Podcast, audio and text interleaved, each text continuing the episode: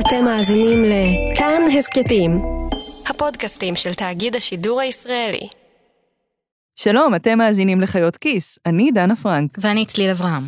בחודש נובמבר האחרון נסענו, דנה, רום ואני, לעיר אילת, והקלטנו שם שני פרקים ב-48 שעות. ראיינו אנשים, כיתתנו רגליים, לא נחנו עד שהבנו מה באמת קורה באילת. בדרך, הצלחנו לעבור בכל האטרקציות התיירותיות המובילות, ממדיטציה בחוף של מוש, ועד צרבת בבופה של הכל כלול. האמת, אלו היו יומיים מרתקים. הפרק שלפניכם הוא הראשון מבין שניים על מה שקורה באילת. והשבוע זה הפרק שלך, דנה, על איך באילת, כן, כן, באילת, עשוי להימצא הפתרון למשבר האקלים. תהנו.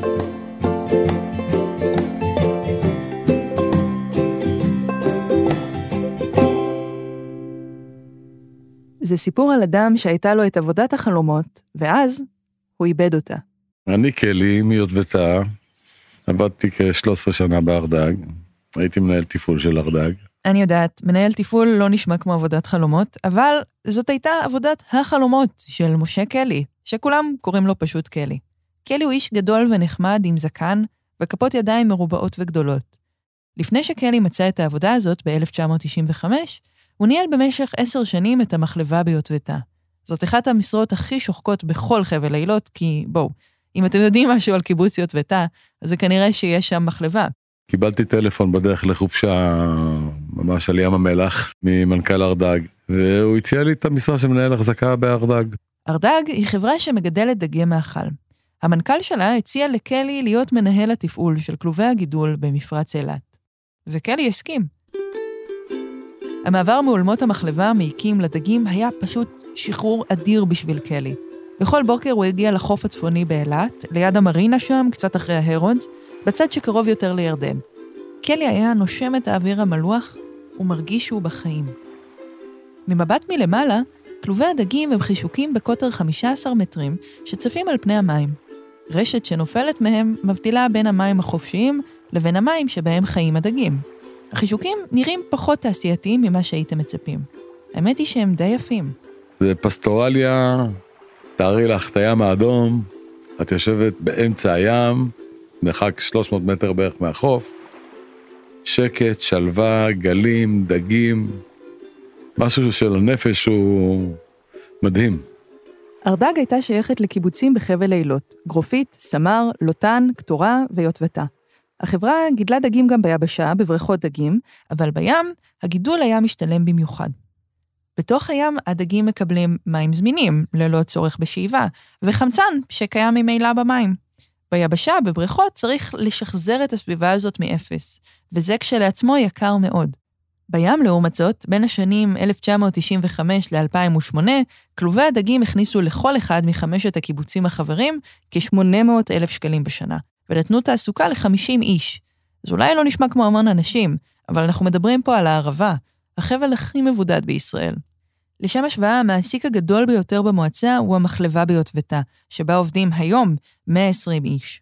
בסך הכל בכל הערבה, לא רק בחבל אילות, חיו בשנות ה-90 קצת יותר מ-4,500 איש.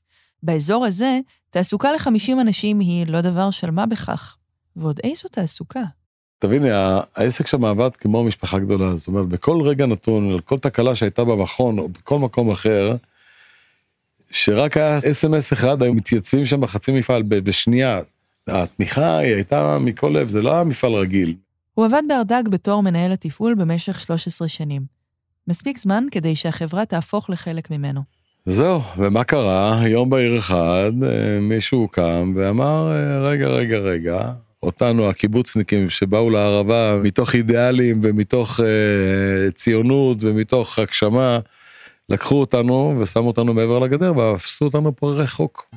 זה בגדול מה שקרה. יום בהיר אחד, קלי וחבריו גילו שהם הורסים את מפרץ אילת.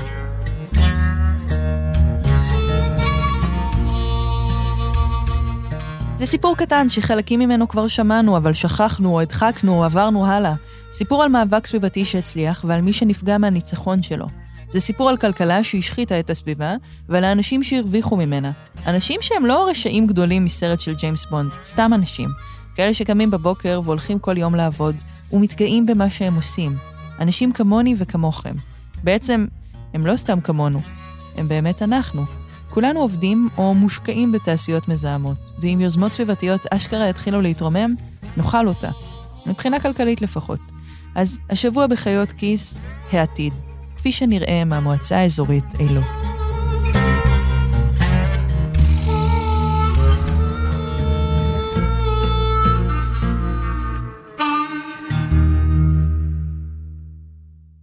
כל הבלגן הזה התחיל בצורה הכי לא סקסית שאפשר לדמיין. גילוי דעה אקדמי.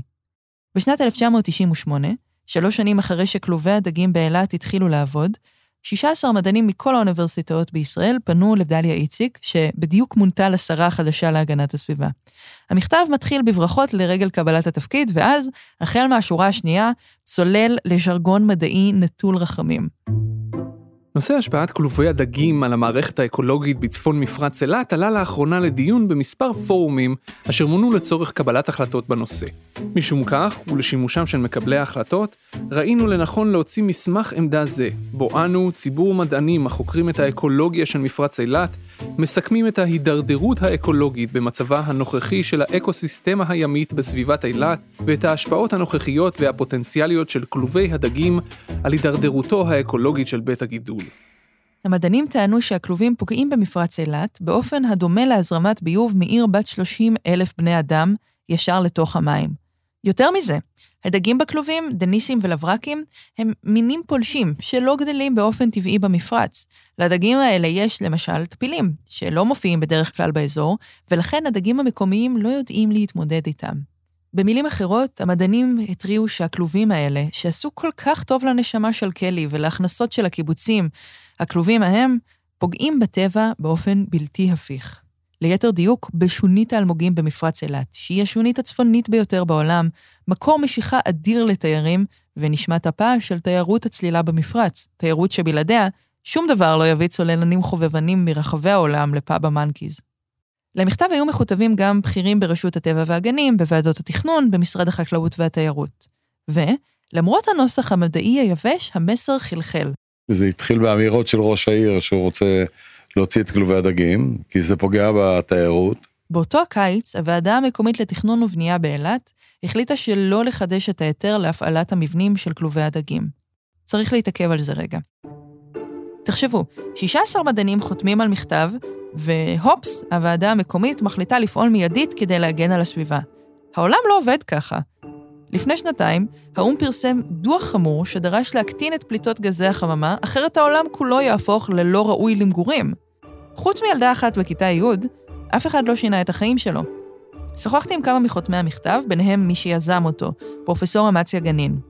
אמציה נמצא כרגע בחזית המאבק של הביולוגיה הימית באוסטרליה, אבל כתב לי שלדעתו הסיבה שהמאבק התקדם כל כך מהר, הייתה העובדה שהיה מגובה בעדויות מדעיות חד-משמעיות. המדענים הקפידו להיפגש עם כל אדם שנוגע לעניין, כולל שרים ומקבלי החלטות ברמה המוניציפלית, ולתת להם בראש עם הסבר מגובה בראיות שנמשך שעתיים על הנזק של הכלובים. וזה עבד. בהתחלה היו תחושות שמה הם מבלבלים את המוח, וככל שזה התגלגל, התחושות אה, היו מאוד כבדות. ברגע שהבנו שהחרף מונפת והיו שם כל מיני תאריכי הכרעה כאלה ואחרים, החרב הונפה וגם הונחתה בסופו של דבר. והתחושה היא הייתה מאוד קשה. הקיבוצניקים יצאו להפגנות וניסו מאוד לדחוף את המסר שלהם, להציל את הרדג. מאוד קשה היה לקבל את זה, כי באמת עבדנו שם בצורה מאוד נקייה, מאוד שקופה, מאוד uh, פרודוקטיבית, וחבל היה לבזבז ענף כזה. בשלב הזה בהרדג גייסו מומחים משלהם שיבחנו את המצב. במקביל, החברה ערכה ניסוי בשתילת אלמוגים על הרפסודות ועל חבלי הכלובים, ניסויים שהראו שאלמוגים יכולים לגדול שם. הצד השני, העמותות הירוקות, גייס את הציבור הרחב לטובתו באופן שנדיר לראות במאבקים סביבתיים בישראל. כל ילד יודע שהאלמוגים המרהיבים באילת הם אחד מפלאי הטבע של ישראל.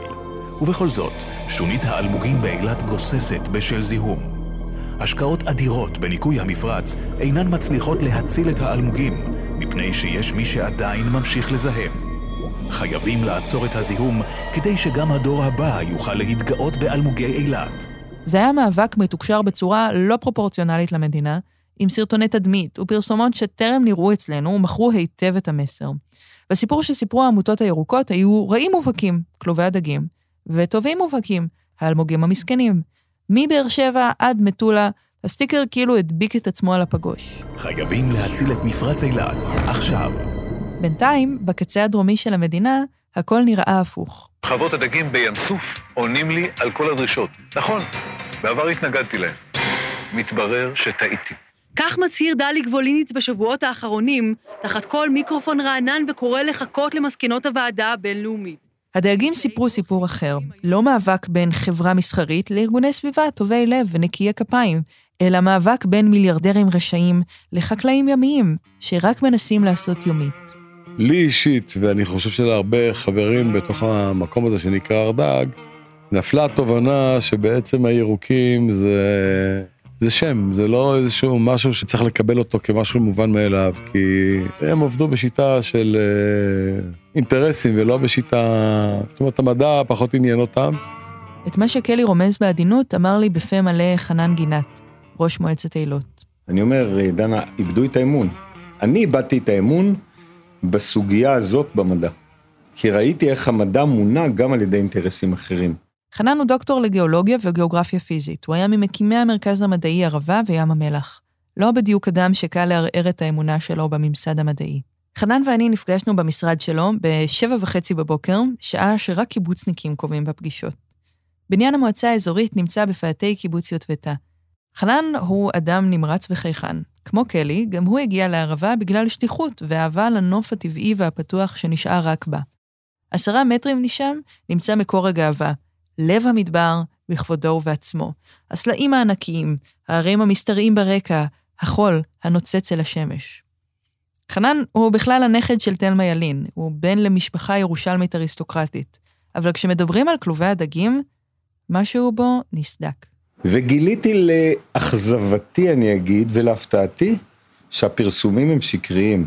גיליתי שיש פה הרבה מאוד אינטרסים, כולל אינטרסים כלכליים, כולל מי שרוצה כנראה את החוף הצפוני, ולכן הוויכוח הוא לא בדיוק ויכוח מדעי. מי בדיוק רצה את החוף הצפוני? כלומר, מי הרוויח מסגירת כלובי הדגים?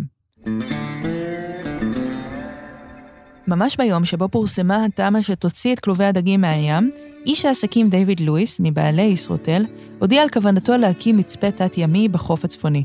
במקביל, היו גם דיבורים על בניית אתר תיירות משותף ישראלי-ירדני. אף אחת מהיוזמות הללו לא יצאה לפועל, אבל הסמיכות שלהן להחלטות הממשלה נגד כלובי הדגים יכולה ללמד שבאותה תקופה היו מי שממש רצו להיפטר מהכלובים. האינטרסים העסקיים גם מסבירים את התמיכה של גבי קדוש, ראש עיריית אילת באותו הזמן, במאבק להוצאה. בעל ההון הבולט ביותר שהיה מעורב במאבק בגלוי הוא מוריס כהן, וזה השם שחוזר גם מחנן וקלי. כהן הוא מיליארדר, הוא האיש שהביא את דפי זהב לישראל, לאחרונה התפרסם כמשקיע של SpaceIL. במקרה של מפרץ אילת היה לו אינטרס ברור, המצפה התת-ימי באילת בבעלותו. פגיעה בשונית זה פגיעה במצפה, וגם בכיס שלו. כהן תמך באופן ברור במאבק לסגירת כלובי הדגים, דרך הבן שלו, בנג'י כהן, שהקים את עמותת צלול, הכוח המניע של הירוקים במפרץ אילת. נשאלת השאלה האם להגן על הטבע זה באמת אינטרס כל כך אפל, אפילו אם מרוויחים כסף מאנשים שבאים לראות אותו. אבל מבחינת הקיבוצניקים הייתה כאן רק אפלה, רק מניפולציות. הם ראו בדיווחים האלה איומים ברורים ומיידיים לקחת את כבשת הרש. החלק הנוגע ביותר ללב בשיחה שלי עם חנן היה כשהוא מנה את כל המפגעים האחרים במפרץ, שאליהם, משום מה, המדינה לא מתקרבת. יש עשר סוגיות סביבתיות שפוגעות באלמוגים, כמו דליפות נפט, כמו צוללנים ששוברים מכנית אלמוגים, שזאת נאמר גם הפגיעה החמורה ביותר. אז אם מטפלים באלמוגים במפרץ אילת שהם חשובים ביותר, עושים את זה כל המכלול של אנשים. בבקשה, ששמורות הטבע, חוף אלמוג, רשות הטבע והגנים, שהיו לי הרבה ויכוחים איתם. למה שלא יגבילו את מספר הצוללנים? חנן התרוצץ והתרוצץ בשיא המאבק. הוא יזם פגישות גישור בין הדייגים לירוקים, בחלקן גם קלי היה. שניהם מסכימים שהפגישות האלו לא היו הצלחה גדולה. הגישה שלהם הייתה גישה מאוד לא עניינית, אלא מאוד עם הערכים שהם אה, באו איתם מלכתחילה. דגים אה, מלאכותיים לא צריכים להיות בים. כאילו, שתבואי ותגידי עכשיו, המכוניות לא צריכים להיות בעולם. אבל אפשר בלעדיהם? אני לא חושב שאפשר בלעדיהם. ואותו דבר זה לגבי המזון, אה, לא יעזור שום דבר, אנחנו נצטרך למצוא פתרונות של מזון לאוכלוסייה שהולכת וגדלה כל הזמן. המאמצים של קלי וחנן היו לחינם. בפברואר 2002, ארבע שנים בלבד אחרי מכתב המדענים, ועדת המומחים הגישה את הדוח המתוקן שקבע שמקור הזיהום במפרץ אילת הוא בכלובי הדגים. באוגוסט באותה השנה החליטה הוועדה המחוזית באילת להביא לאישור הממשלה תוכנית מתאר ארצית, תמ"א 13, שלא תכלול את כלובי הדגים, מה שאומר שהרדג והחברה השנייה שהפעילה כלובים, דג סוף, לעולם לא יקבלו שוב אישור להפעלתם במפרץ. ב-12 בספטמבר 2004 החליטה הממשלה סופית על הוצאת כלובי הדגים. ביום שאחרי קיפלנו את הפקלח. לקפל את הפקלח זה היה לא קל, כי יש המון רגש בתוך הסיפור הזה. לראות את כל הצנרת של הכלובים נגררת אה, על החוף, והולכת לאיזושהי פינת אחסון כזאת עם הרפסודות, משהו מאוד שהשקיעו בו מאוד הרבה. ולראות את כל זה יוצא החוצה ויורד לטמיון, זה הרבה כאב לב. קיבוץ יטבתה זה פחות השפיע עליו, כי קיבוץ יטבתה הוא קיבוץ חזק מבחינה כלכלית. קיבוצים אחרים חטפו מכה די רצינית מבחינה כלכלית. עבור קיבוצים אחרים, שלא היו להם תעשיות אחרות, אובדן מקומות העבודה היה כואב במיוחד. לאבד 800 אלף שקל בשנה בערבה זה לא עניין של מה בכך.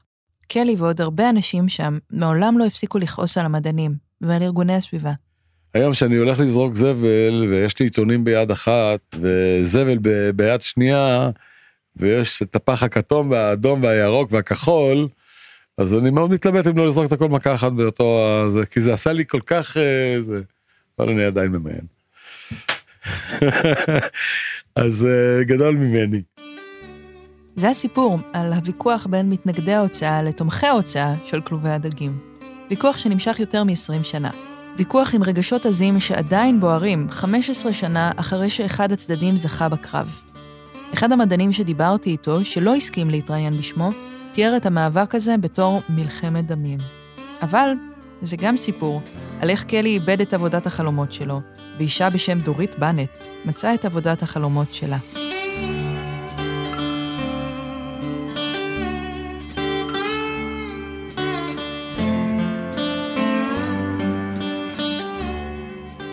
אוגוסט 2000 הגענו לערבה, אחרי פוסט-דוקטורט של הבעל שלי בארצות הברית. אה, הגענו להגשים אה, חלום, אמרנו בואו ננסה. לדורית יש תואר שני במדעי כדור הארץ, ובתחילת הדרך היא עבדה במקום שבו אתם מצפים שאנשים כמוה יעבדו, במשרד להגנת הסביבה. האופי שלה לא כל כך התאים לעבודה הזאת, כי במשרד מתעסקים אך ורק במדיניות ואכיפה, לא במציאת פתרונות. אני זוכרת, כשהייתי עומדת מול רישוי עסקים ומול כל מיני אירועים של חומרים מסוכנים, המשרד היה אומר לי, את לא נותנת פתרונות. את רק אומרת מה אסור לעשות ומה החוק, שהיזם יבוא עם הפתרון, ואנחנו נאשר או לא נאשר את הפתרון שלו. דורית התחילה לחטוף מיגרנות מהמצב הפסיבי שנכפה עליה. היא חילקה דוחות וחיכתה וחיכתה וחיכתה שיגיע איזה יזם שיישם את המדיניות שהמשרד התווה, אבל זה לא הגיע, והבעיות המשיכו להיערם. היא ניסתה דיקור, אבל זה לא עזר, אז היא עזבה. ואחרי הסיבוב באמריקה היא הגיעה לערבה והתחילה להקים את היחידה הסביבתית במועצה האזורית אילות. ושם, בתוך המועצה, דורית יכולה הייתה אשכרה לעשות משהו, ולא רק לאכוף. רק שלגמרי במקרה, זה היה בדיוק ברגע שבו אף אחד במועצה לא רצה לשמוע בכלל על הסביבה, כי דורית נכנסה לתפקיד בשיא המאבק על כלובי הדגים. אני הייתי הנציג של האיש הרע. כל דבר שבאתי עם, עם נושא סביבתי, לא מעניין הסביבה, לא, לא אכפת לנו מהסביבה, לא רוצים, במקום שדיבר סביבה. דורית באמת לא הייתה קשורה לכל זה. המלחמה התנהלה מעל הראש שלה, בין מנכ"לים של משרדי ממשלה לבג"ץ לוועדות התכנון. ובכל זאת, היא הייתה הכתובת של הכעס. תשמעי, זה ברמה שאפילו דיברתי עם בני נוער, אז היה מי שהתקשר אליי מהמבוגרים ושאל אותי, שמענו שאמרת משהו לא טוב על ארדג. זה היה ממש כמו האח הגדול כזה. רק לא להגיד משהו רע על, על סיפור כלובי הדגים. לא פשוט. קשה לדמיין איך בן אדם כמו דורית הופך לאויב הציבור מספר אחת. היא אישה כריזמטית מאוד. יש בה משהו מאוד מרגיע, וגם מאוד חזק. אבל בקיבוץ כמו בקיבוץ, מה שחושבים עלייך בחדר האוכל, הולך איתך כל היום. אני מסוגלת להבין את ה... היה תסכול, חושבת שזה הרבה כסף. עכשיו, זה הרבה כסף וזו חברה שחיה על הקצה פה. לא פשוט להתפרנס פה. היה לך משהו, הקמת לתפארת, היית מאוד גאה במה שאתה עושה, הרווחת ממנו ולקחו לך אותו. ותקשיבי, זה המפעל היחיד במדינת ישראל שנסגר אי פעם מהחשש לזיהום. איך קורה דבר כזה? בז"ן, מפעלים אחרים שאת רואה כאן בארץ, מזהמים בוודאות. מי נוגע בהם? בשלב הזה בחיים של דורית ושל היחידה הסביבתית החדשה שהיא הקימה, היא התעסקה במה שרוב היחידות הסביבתיות בעולם מתעסקות בו, למצוא פתרונות למפגעים. למשל, דליפות ביוב למפרץ אילת. רק שמול האיומים האלה היא הייתה לגמרי לבד. לא הבאתי אותם להכניס יד לכיס, לא הייתי מצליחה בחיים שהם יכניסו יד לכיס, לאירוע סביבתי. אבל יש גבול לכמה זמן אפשר לעבוד נגד הבוס שלך, ונגד כל מי שחי סביבך. לכן, דורית הבינה שהיא צריכה להחליף דיסקט, למצוא את הדרך שלה לתוך הקונצנזוס הקהילתי. החלטתי לתפוס באסטרטגיה אחרת.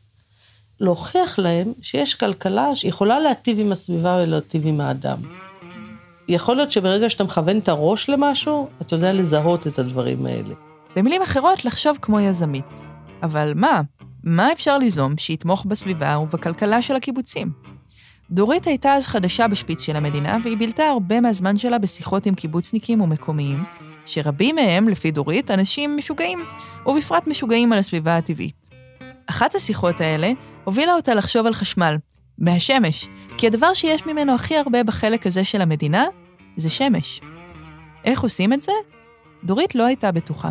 עשיתי יום עיון, אני זוכרת, במרכז האזורי, שאצלנו, לפני שהיה ה-yes ו-VOD והמסכים הענקים לכולם בבית, אז היה כאן מועדון סרט הטוב שכל יום בערב היו באים, נגיד היו מגיעים 30, 40 איש, ששש. עשיתי יום עיון בבוקר, ביום עבודה, קראתי לו מה זה אנרגיה מתחדשת, כי גם אני לא ידעתי. והבאתי חוקרים מאוניברסיטת בן גוריון, אני זוכרת, וכל מה שאיכשהו ידעתי בחיפוש שלי שקיים בארץ, לא היה כמעט כלום. ופתאום הגיעו 80 אנשים ליום עיון באמצע יום עבודה. אני הופתעתי ממש. סתם אנשים? סתם אנשים. והבנתי שיש רצון, יש כאן עניין, מה עושים עם זה? ואז ניגשתי לאודי גת, ואמרתי לו, הוא לא לגמרי אכל אותי, כי אני הייתי נגד כלובי הדגים, והוא היה ראש המועצה, זה לא היה פשוט. אמרתי לו, תקשיב, יש לי רעיון. יש דבר שנקרא תא פוטו-וולטאי, זה אנרגיה סולארית. אני לא יודעת מה, מה זה ממש, אבל אני יודעת שיש כאן הרבה שמש, ויש כאן הרבה שטח. עם מעט הידע שהיה לה, דורית כתבה הצעה לפרויקט של שדות סולאריים. עם ההצעה הזאת, היא הצליחה לגייס 40 אלף דולר מהקהילה היהודית בטורונטו. היא פרסמה בעיתון הארץ מודעת דרושים למומחה אנרגיה מתחדשת שמוכן לעבור לערבה, וכשהיא כמה שותפים, הם התחילו לבנות את השדות. דורית והשותפים החדשים שלה הקימו חברה לתועלת הציבור, בבעלות הקיבוצים וגם כמה מהחברות באזור, כולל חברת ארדג. הרעיון היה כזה, לחברה הזאת, עשרת הקיבוצים של המועצה האזורית אילות משלמים דמי חבר. בתמורה, החברה לתועלת הציבור, או בקיצור, החל"צ, עובדת מול משרדי הממשלה והרגולציה ומפעילה לחץ כדי לאפשר ייצור חשמל מקומי. עצם ההתארגנות של יישובים שמתאחדים כדי להפעיל לחץ על השלטון, זה דבר נדיר מאוד בנוף הישראלי. כשאתה עובד נכון, אתה לא מדינה בתוך מדינה. אני לא אילת אילות עושה מה שאני רוצה. אבל אם אתה עובד נכון, אז אתה, אתה יכול להניע גם את הגלגלים מבפנים להבין, אבל זה לוקח המון זמן. דורית והשותף שהגיע מהמודעה בעיתון, נועם אלון, הקימו פיילוט לשדות הסולאריים שהם תכננו, מגדל שמש בקיבוץ סמר. זה מבנה שנראה כאילו הוא נשכח שם מהסט של חולית. המגדל עצמו מעוגל וצהוב כמו שרביט, ומוקף בעשרות מראות.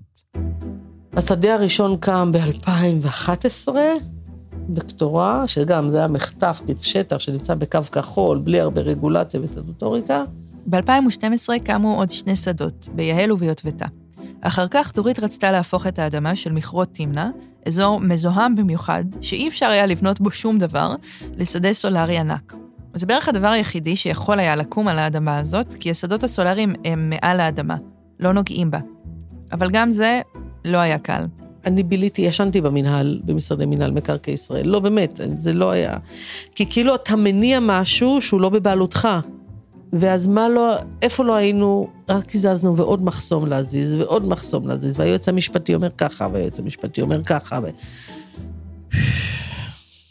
בסופו של דבר, המדינה ותושבי האזור קיבלו 264 מיליון שקלים עבור האדמה המטונפת בתמנע, ו-30 מיליון מתוכם הלכו ישירות למועצה.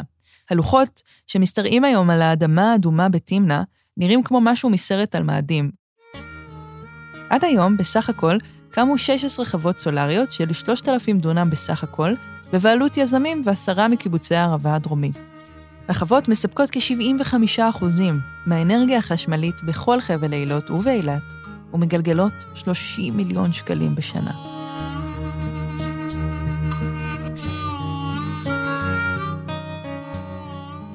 יותר מעשור חלף מאז כל הסיפור הזה, ועדיין חנן וקלי, ועוד רבים כמוהם, מנסים להבין האם זה היה נכון לוותר על כלובי הדגים. חנן עצמו לימד במשך שנים בתיכון המקומי שיעור בשם מדע, הון ושלטון, שהיה מבוסס על הכאב הזה בדיוק. כדי לקבל תשובה חד משמעית לשאלה האם הייתה כאן קונספירציה, חנן ביקש שידבר עם איש בשם אסף זבולוני. אני חושב שזה מטעה אה, לבסס את האמירה שלך על סמך אה, התרשמות, אלא צריך על סמך אה, רישומים, על סמך נתונים. אסף הוא האקולוג הראשי של מפרץ אילת, כנראה הג'וב עם הנוף הכי שווה במדינה. שאלתי את אסף מה באמת קרה. האם בראי הזמן באמת המיליארדרים סתם התנכלו לכבשת הרש של הקיבוצניקים, שבאה להם לא טוב בחלון של המצפה התת-ימי? והתשובה של אסף נשמעת בהתחלה לא חד משמעית. בוא נגיד שבדרך כלל כשעושים ניסוי יש עליו הרבה חזרות. בשביל לראות שלא במקרה יצא לך תוצאה מסוימת. יש לנו היום ניסוי במרכאות של כלובי הדגים שהוכנסו לים והוצאו מהים. ויש לנו תוצאות. זה ניסוי במרכאות שוב פעם, שנערך רק פעם אחת, ולכן אני לא הייתי גוזר ממנו המון מסקנות. והייתי מתייחס לזה בזהירות. מה שאסף אומר זה ככה, בסביבה טבעית קשה לבודד משתנים, במיוחד בעידן שבו אנחנו חיים, שבו הטבע מתחרפן כתוצאה מהתנהגות אנושית ברמה גלובלית. לכן למשל, שונית האלמוגים, כמו אחיותיה השוניות מרחבי העולם, לא חזרה למצב שבו הייתה בתחילת שנות ה-90, דבר שמתנגדי ההוצאה מנפנפים בו בשמחה. מצב שוניות האלמוגים בעולם הוא לא סתם נמוך, הוא מזעזע. 95% משונית המחסום הגדולה באוסטרליה נפגעה ב-2016. בקריבים מדברים על ירידה של 80%. האלמוגים מתים בגלל העלייה בטמפרטורת הימים שגורם משבר האקלים. זאת עלייה שנרשמת גם אצלנו. ב-2018, למשל, טמפרטורת השיא של מי הים באילת הייתה 28 מעלות, מעלה שלמה מעל השנה שלפני כן.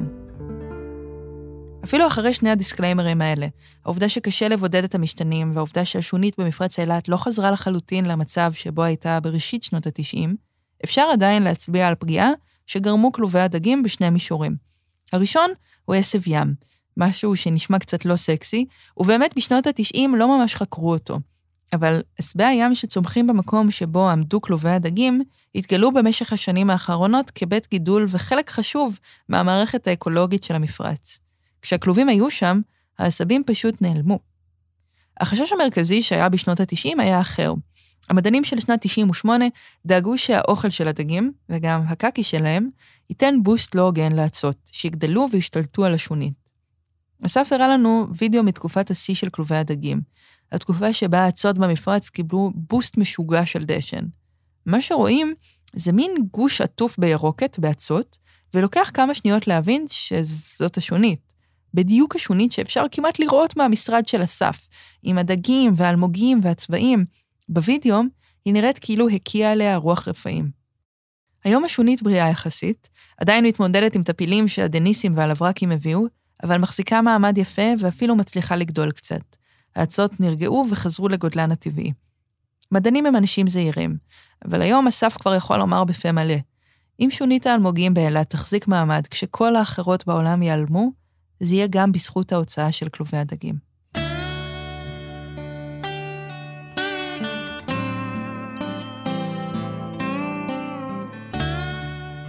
אחרי כל המאבקים להקמת השדות הסולאריים, דורית עזבה את התפקיד שלה ביחידה להגנת הסביבה במועצה, והמשיכה לעמוד בראש החל"צ. החל"צ, שנקראת בפשטות אילת אילות, מקיימת כנס בינלאומי דו-שנתי על אנרגיה סולארית, שיצא לדרך לפני יותר מעשור, ובאמת כבר לא רואה ממטר את מועדון הסרט הטוב. היא הקימה עוד כמה יוזמות בסביבה, למשל חממה לפיתוח טכנולוגיות סולריות, ועכשיו גם חברה שמייצרת טכנולוגיות לכפרים בעולם השלישי, שהם מנותקים מרשת החשמל והביוב. אבל גם זה לא מספיק לדורית. היא רוצה ללכת רחוק יותר, להקים חברת חשמל מקומית מבוססת אנרגיה סולארית, שתספק את כל החשמל לאזור אילת וחבל אילות. אני אגיד לך מה, פעם חשמל היה דבר תשתיתי מאוד יקר, מאוד כבד, שמדינות עשו. היום את לא מבינה כמה זה זול. ואני חושבת שישראל צריכה להתנהג כמספר מיקרו-גרידים, של להפסיק לשנע חשמל ולעשות קווים מפה לטבריה וכל העולם. תיסעי בין תל אביב לירושלים, בין תל אביב לאשדוד, נוסעת ביער של עמודי חשמל. וזה המאבק הבא שלה, להגיע לעצמאות מוחלטת מבחינה אנרגטית של הערבה הדרומית. זה ייקח שנים. מצד שני, היום היא נמצאת במקום שאי אפשר היה לדמיין לפני עשר שנים. אז זה היה הסיפור של קלי וכלובי הדגים, ודורית והלוחות הסולאריים, ועל איך סגירה כואבת של תעשייה אחת הפכה לבוננזה יזמית של תעשייה חדשה.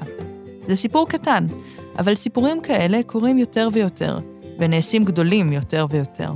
מחאת האפודים הצהובים בצרפת לפני שנה וחצי, למשל, היא בדיוק סיפור כזה, שבו העלאת מיסים שנעשתה כדי להגן על הסביבה, פגעה במעמד החלש והוציאה מאות אלפי אנשים לרחובות. משבר האקלים זה לא סיפור של כן קשיות שתייה או לא קשיות שתייה, וגם לא סיפור שאפשר לסגור כמו פעולה בתנועת נוער, פליטות גזי חממה, בעד ונגד. בסופו של דבר, הסיפור הגדול של משבר האקלים הוא האם אנחנו מוכנים להיגמל מתעשיות מזהמות ולנסות להמציא עולם חדש, שמבוסס על תעשיות שלא מבוססות על פחמן. ואפילו כשאומרים את זה ככה, זה עדיין נקי מדי, עדיין רחוק מדי מהמציאות, פחות דילמה כואבת ויותר איזה שאלה תיאורטית. כי בעולם ללא פחמן, יש אנשים שיאבדו את העבודה שלהם, בוודאות. תמיד מתייחסים למקצועות כמו קורא פחם, אבל כמעט כל תעשייה אחרת שתוכלו לחשוב עליה, עומדת בפני אותה השאלה. כמה אנחנו מוכנים להרוס מכדור הארץ, ובלבד שלא לוותר על תעסוקה? תיירות למשל. מה יקרה למסעדות ובתי קפה בערים תיירותיות ברחבי העולם, אם מחיר כרטיסי הטיסה ישקף את הפגיעה הסביבתית שלהם? תעשיית האופנה, מוצרי אלקטרוניקה, אוכל, יין. זאת שיחה שאף אחד לא רוצה לעשות, אבל הזמן שבו יכולנו להתחמק ממנה הולך ואוזל. הסיפור של לילות ושל כלובי הדגים מוכיח שזה לא רק אפשרי, זה יכול להיות אפילו מאוד משתלם. הגענו למצב שלפני ארבע שנים ניגשתי למליאה, ארבע או חמש שנים, אמרתי להם, חמישה קיבוצים הרוויחו 800 אלף שקל בשנה מכלובי הדגים נטו לתזרים. זה נסגר. אמרתי לכם שאפשר לעשות כלכלה גם תומכת סביבה. אני באתי להגיד לכם שעכשיו עשרה קיבוצים מרוויחים בין חצי מיליון לארבעה מיליון שקל כל שנה, ולא מזהמים את הים. וזה עוד לפני שאמרתי כמה ארנונה נכנסת למועצה, וכמה 80 מקומות עבודה חדשים, נסגרו 50 בהר דג, נפתחו פה 80 מקומות עבודה, סגרתי איתם את המעגל. אני לא סוגרת איתכם באופן אישי. אני סוגרת אתכם את המעגל כדי שתבינו שהרבה פעמים צריך לסגור דלת כדי לפתוח חלון, וצריך באמת אה, תעשייה חדשה.